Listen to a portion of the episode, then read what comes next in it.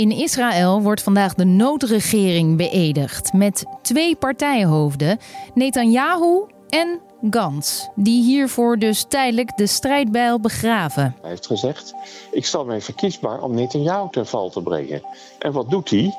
Weliswaar na lange tijd, maar hij doet het toch samenwerken met Netanyahu. Eigenlijk het tegenovergestelde van wat hij zijn kiezers beloofd had. Ja, na drie verkiezingen in één jaar tijd lukte het niet om een regering te vormen.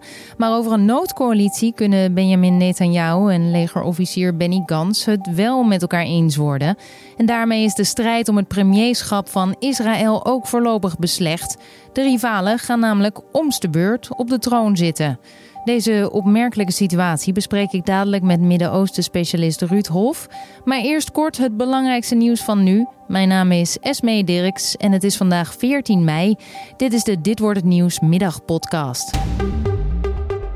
Het kabinet gaat reisorganisaties en vliegmaatschappijen toch vragen om consumenten de optie te geven hun geld terug te vragen als vakanties vanwege het coronavirus niet doorgaan.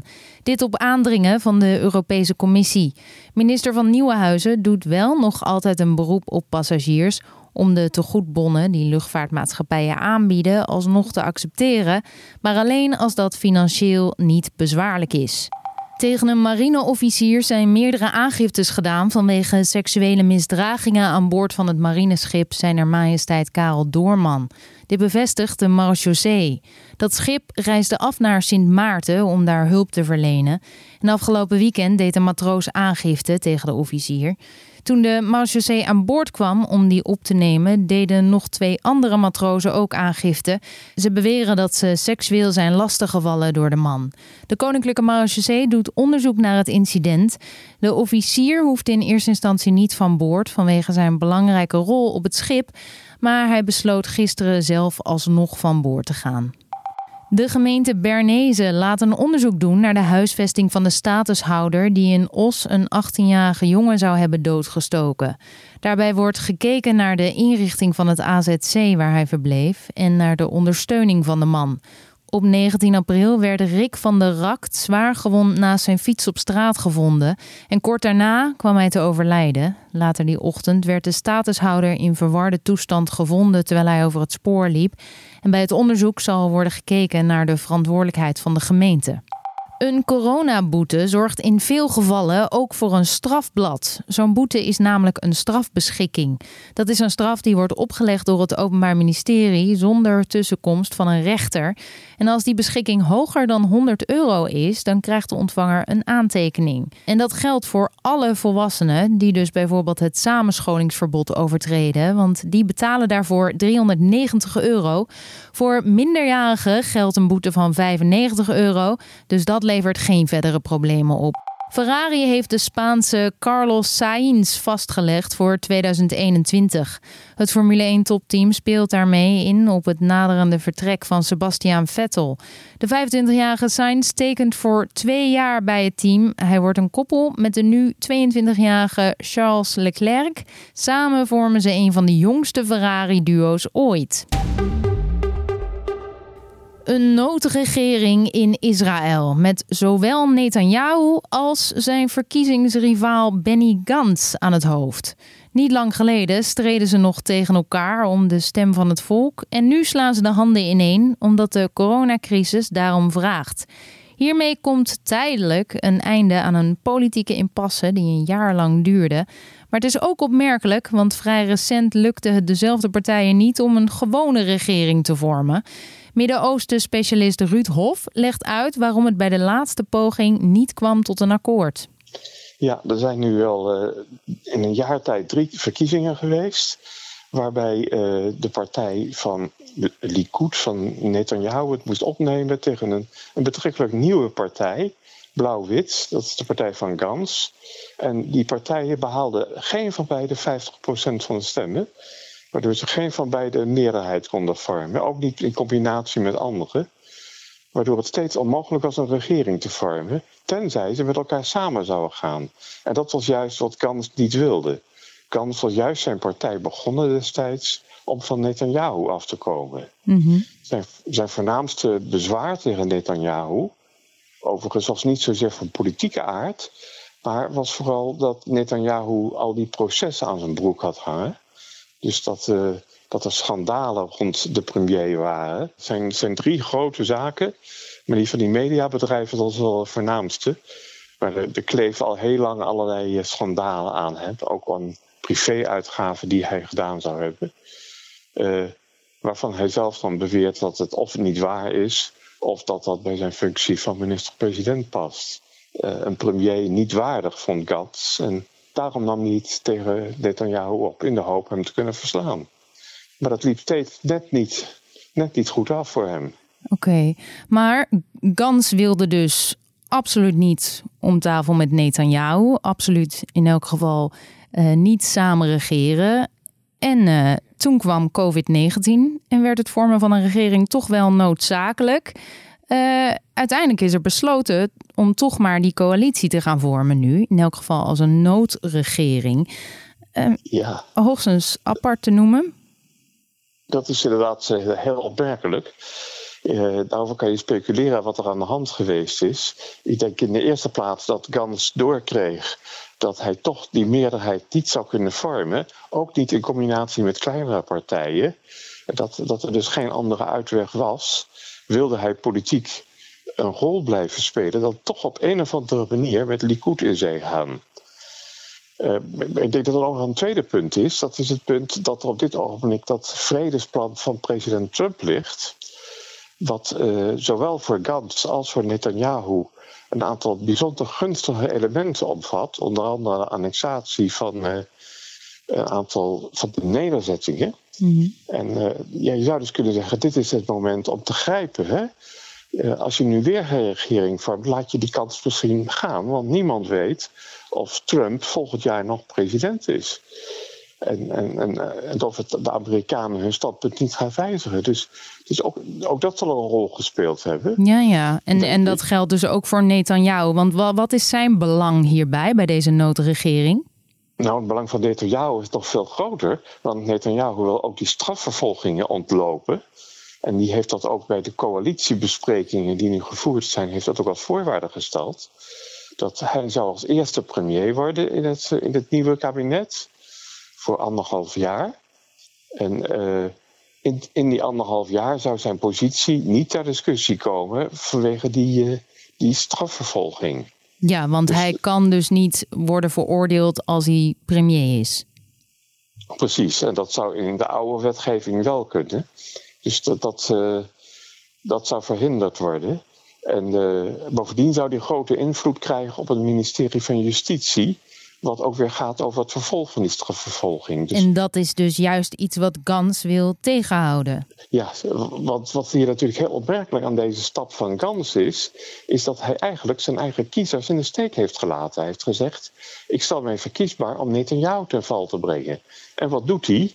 Weliswaar na lange tijd, maar hij doet het toch samenwerken met Netanyahu. Eigenlijk het tegenovergestelde van wat hij zijn kiezers beloofd had. Ja, maar het lijkt alsof uh, Gans en Netanyahu eigenlijk uh, veel gedeelde belangen hebben dan. Je had het over die westelijke Jordaanoever. Beide willen ze dat gebied annexeren. Um, net als uh, Trump overigens. in strijd met de VN-verdragen. Maar waarin verschillen de twee mannen dan? Nou, de verschillen zijn niet zo groot.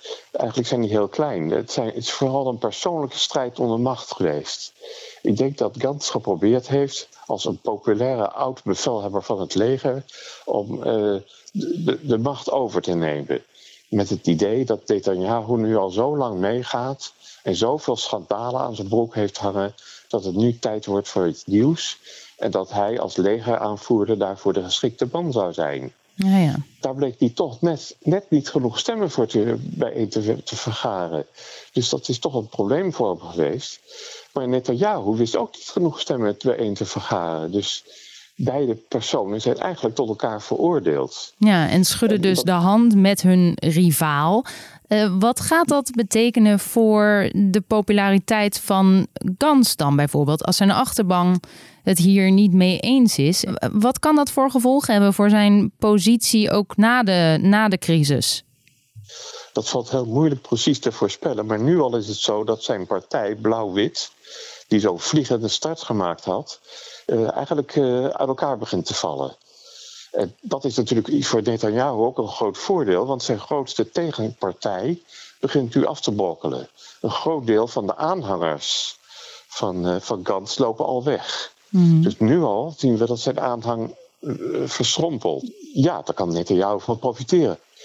Dus de komende tijd zal hij nog een rol spelen. Maar de vraag op termijn is of de kiezers hem dit zullen vergeven. En of, uh, en of dit kabinet het inderdaad al die, uh, al die tijd zal volhouden. Ja, ja want nood breekt misschien uh, principes, althans tijdelijk. Ik bedoel, er, er moet een regering nu zijn. Dus misschien ja. dat ze hem wel vergeven, ja.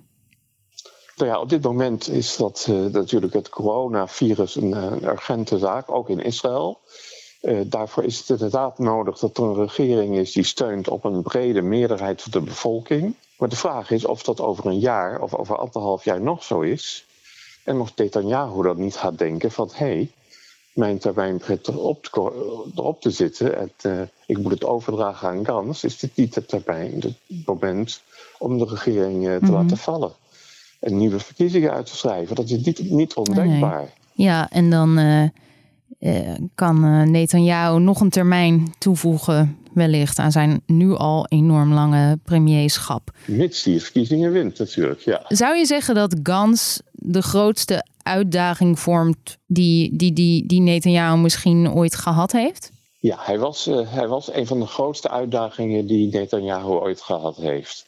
Zonder enige twijfel. En dat had ook te maken met het feit van de stormachtige opkomst van zijn partij en zijn reputatie als oud-militair. Dat droeg daartoe bij. Hè. Dat verschaft in Israël een soort zekerheid. Dat zien Israëliërs mm. graag. Dat de veiligheid gegarandeerd is. En de, de, de, de politieke verschillen tussen Gans en, en Netanyahu zijn niet zo groot. Het, zijn vooral, het is vooral rivaliteit om dus de macht. Dus een persoonsstrijd. Denk ik. Een strijd tussen personen. En ze vinden eigenlijk, zowel wat betreft het vredesproces als wat betreft de economie, ongeveer hetzelfde. Die verschillen zijn niet zo vreselijk groot. Maar je zei, het Gans was de grootste uitdaging uh, waar Netanyahu uh, uh, voor heeft gestaan. Um, nu niet meer? Ik denk het nu niet meer. Ik denk dat, dat de, de, de aanhang van Gans nu versplinterd begint te raken, verdeeld begint te raken. Dat dat in, enorm in het voordeel van Netanyahu is. En ik denk dat het verrassingseffect van de opkomst van die blauw-wit-partij, dat dat over anderhalf jaar hm. weg is. En ja, dat je dan zal zien dat, uh, dat wellicht Netanyahu er toch weer van, van kan profiteren. Maar dan is er nog dat proces uh, tegen Netanyahu. Wat als het komt tot een veroordeling? Ja. De, voor de komende 18 maanden is hij veilig, maar daarna?